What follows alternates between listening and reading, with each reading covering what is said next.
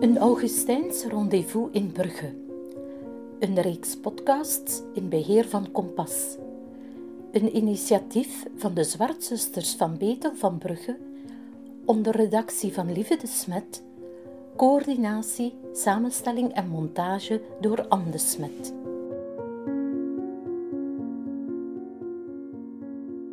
Beste luisteraar, naarmate steeds meer oude archieven beschikbaar worden, hebben we ons voorgenomen om op stap te gaan door Brugge.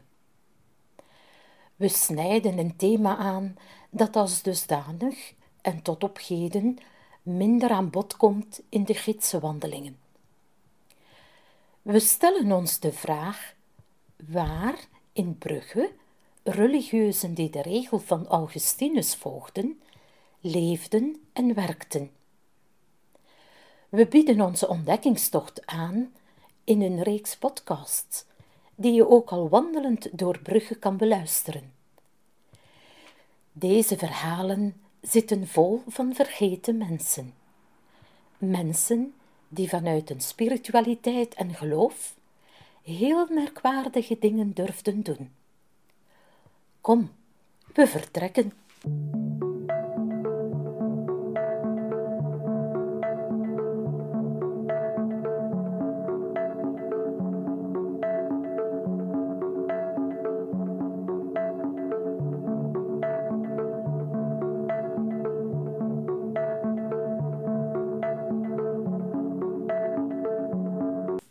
Beste allemaal, meer dan tijd om terug te toeren. Doe even volgende wandeling. Vertrek aan Groeningen 34. Sla linksaf door de Kastanjeboomstraat. Draai opnieuw links en zo door de Katlijnenstraat tot aan het Ankerplein. En daar terug links door de Nieuwe Gentweg. Terug naar dit plaatsje Groeningen. Dus om elke hoek linksaf. Wel, dit terrein staat in deze vierde podcast op het programma.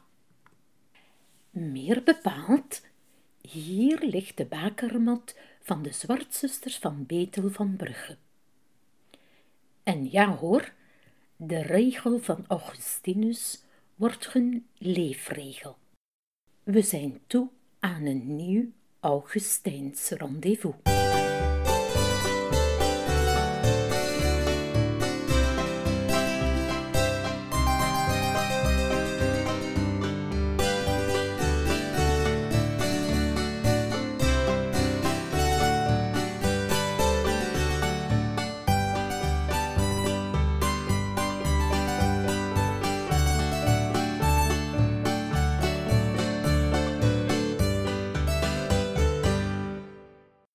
Herinner je je nog dat we in het jaar 1300 starten in deze reeks podcast? Wel, de titel van het boek van historica en journaliste Barbara Tuchman over deze jaren luidt De waanzinnige 14e eeuw. En ja, deze eeuw is werkelijk waanzinnig. Tal van extremen doen zich voor. Het begint al in de jaren 1316-1319 met het mislukken van de oogsten door drie jaar aanhoudende regens. En ja, met daarop grote hongersnoden. Een kleine dertig jaar later kondigen zich de pestjaren 1348, 1349 aan. Door deze zwarte dood sterft een derde en in sommige streken zelfs de helft van de Europese bevolking. Het is een tijd van economische bloei, maar ook van economische malaise. Na 1350 breekt een verschrikkelijke levensduurte aan door een algehele inflatie.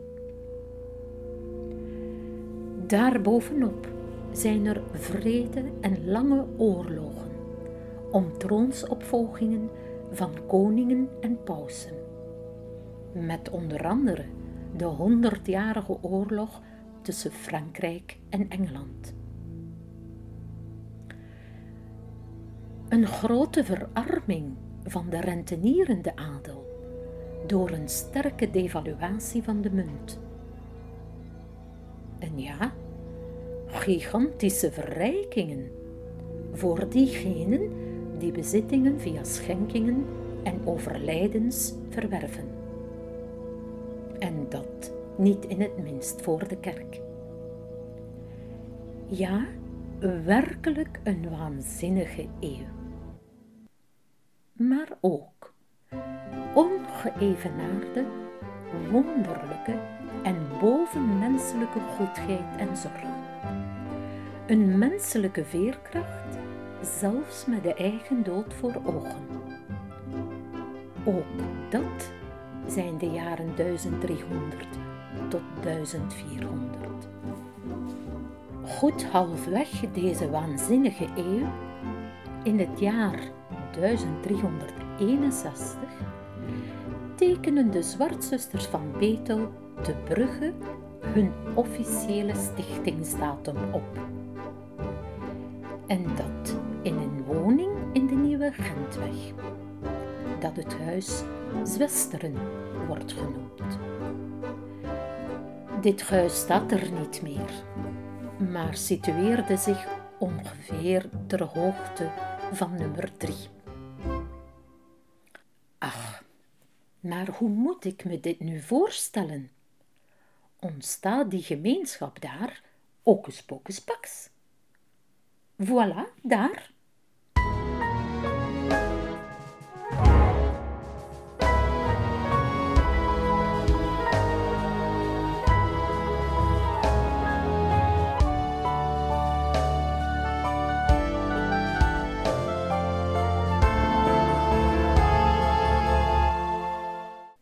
Tuurlijk niet.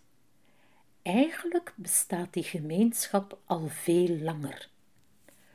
Hun oorsprong gaat terug tot het leven en werk van die gewillige armen waarover ik je in de vorige podcast vertelde. Weet je wel, die vrouwen van adel die met vuur en ijver zieken verzorgden bij hen thuis. En dat omwille Gods. Na een ziekenzorg, die soms maanden kon in de slag nemen, keren ze telkens terug naar hun gemeenschappelijke huis, destijds aan de huidige inrijpoort van Veilingen van de Wielen in Groeningen 34. Aha, maar hoezo? Groeningen 34? En ik zei daarnet in de Nieuwe Gentweg nummer 3.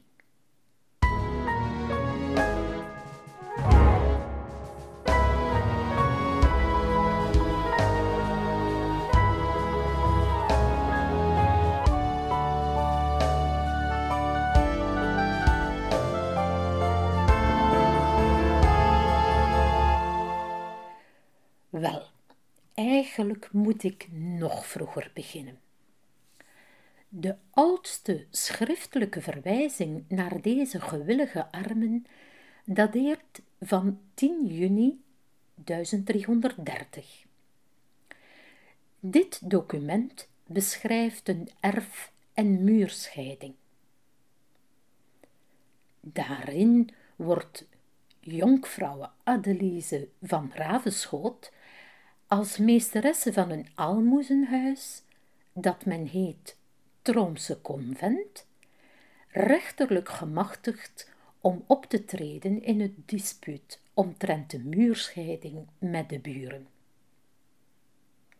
Wel voilà, hieruit leren we dat in 1330 jonkvrouwen in het Rooms convent, een almoezenhuis, wonen, met Adelise van Ravenschoot als meesteresse.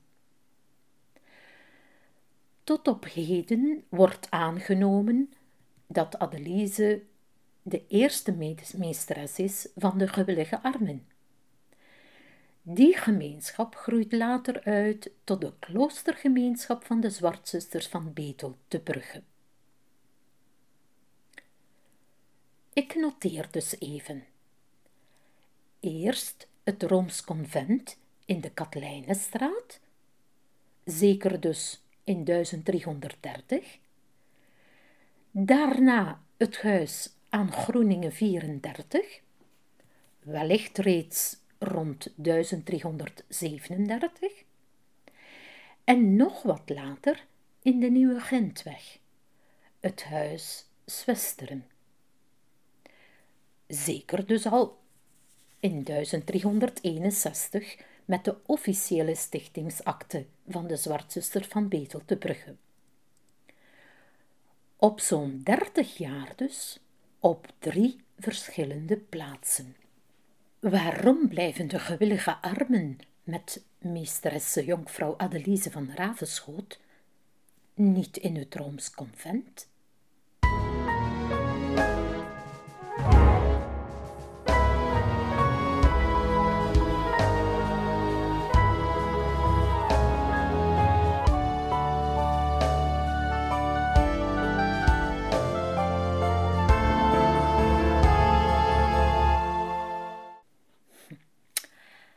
Ai, ai, wat zo dikwijls gebeurde. Er woedt een hevige brand op de disgronden van de Onze Lieve Vrouwenkerk. Hierbij gaat het Rooms convent in de vlammen op. En na de heropbouw door toedoen van de kapelaan van de Onze Lieve Vrouwenkerk, Hugo Uttenriete, en vrouwen Katelijne Pelegans krijgt het Rooms Convent een andere bestemming. Het Rooms Convent wordt namelijk een huis voor arme begijnen. Het zijn dus niet de gewillige armen die er terug hun stek vinden.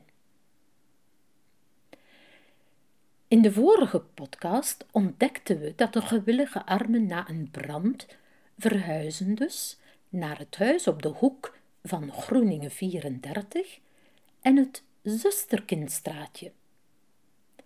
Dit Zusterkindstraatje bestaat niet meer als zodanig en is vandaag eigenlijk de inrit van Veilingen van de Wielen.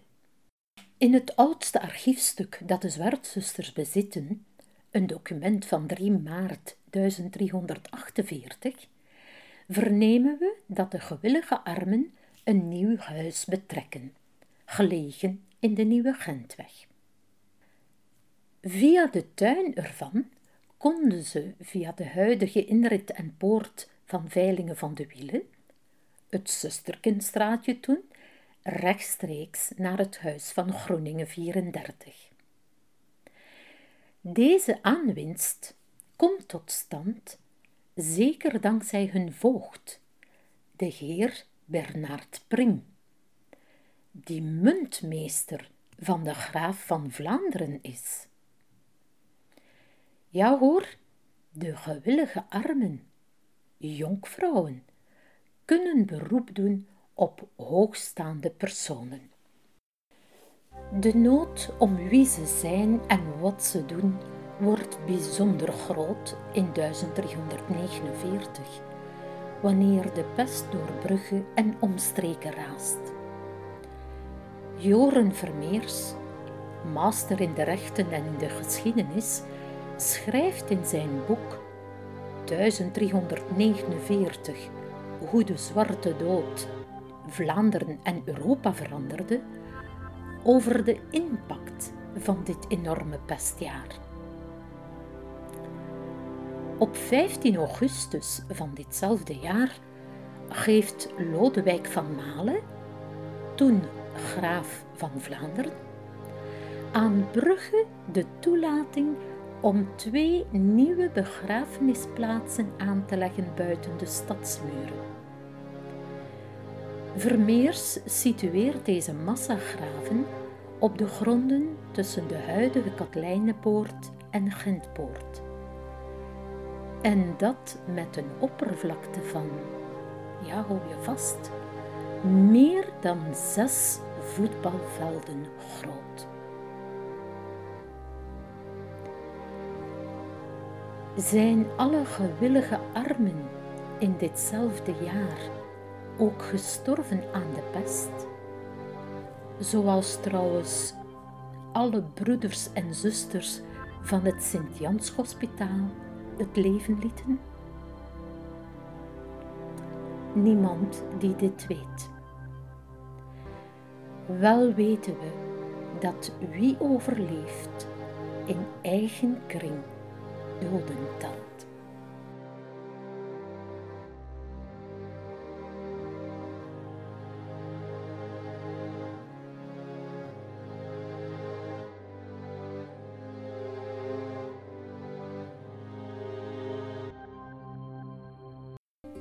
Dankbaar om hun leven en rouwend om wie er niet meer is, probeert elkeen verder te doen.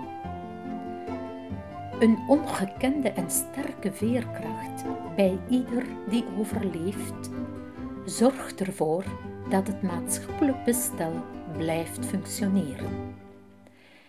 En ja, in deze tijdsperiode waarin geloof verweven is met alles in het leven, richten mensen hun gebed tot God. Van rijk tot arm schenken giften aan hen die bidden en liefdadigheidswerk doen. En ja, overal groeit het aantal broeders en zusters op korte tijd snel terug aan. In deze tijdsdynamiek plaatsen we de officiële stichtingsdatum van de Zwartzusters van Betel. In 1361 in hun huis in de Nieuwe Gentweg met als meesteresse Marie Zonderdank. Jonkvrouw die op dit tijdsmoment geen geloften kennen, maar die leven in armoede en zuiverheid die instaan voor hun levensonderhoud door handenarbeid en die zorgen voor de zieken thuis en die doden begraven. Die vurig en gedreven zijn om God en die de regel van Augustinus volgen om hun leven te richten en te inspireren. Op 2 december 1378 schrijft de paus Gregorius XI een apostolische brief, een beschermingsbrief, waarin hij alle plaatselijke bisschoppen oproept om de gewillige armen, ook arme zusters of cellieten of cellenzusters genoemd, niet langer lastig te vallen met geloofsonderzoekers. Van deze brief hebben de Zwartzusters van Brugge eveneens een kopij, versierd met fijne miniaturen. Dit pauselijk schrijven wijst er trouwens op dat ook op veel andere plaatsen, vooral in de lage landen en het Rijngebied, gewillige armen aan het werk waren.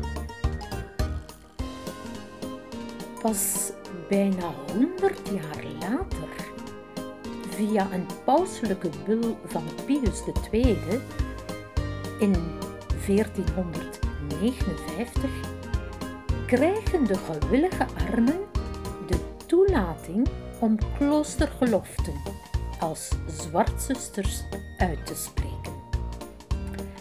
In de woelige tijden van toen betekende dit een extra bescherming.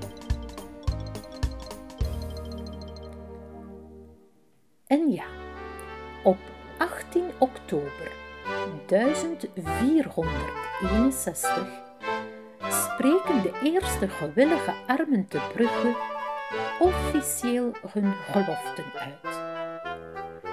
Ze worden officieel kloosterzusters en zijn meteen met 25.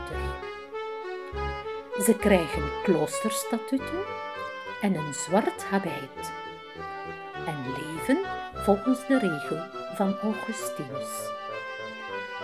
Vandaar nu hun nieuwe naam, Zwartzusters.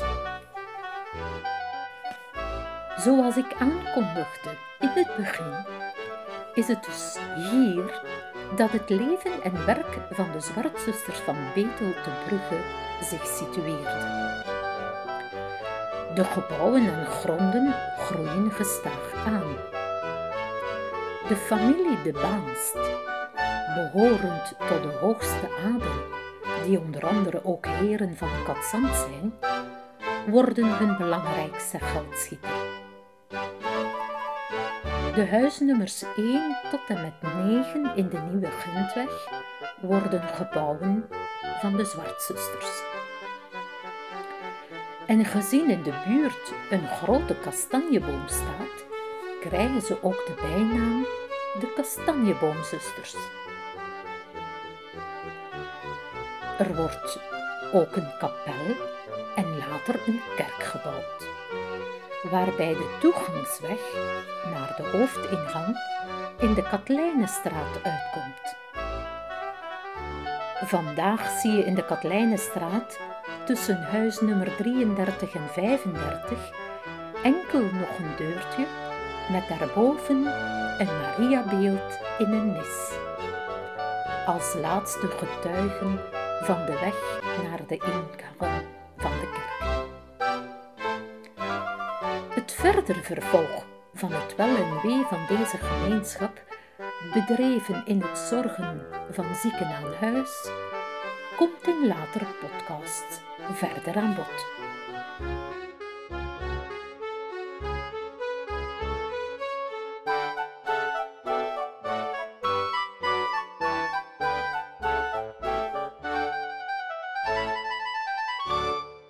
De muziek en geluiden verwerkt in deze podcast komen uit het aanbod van Pinnacle.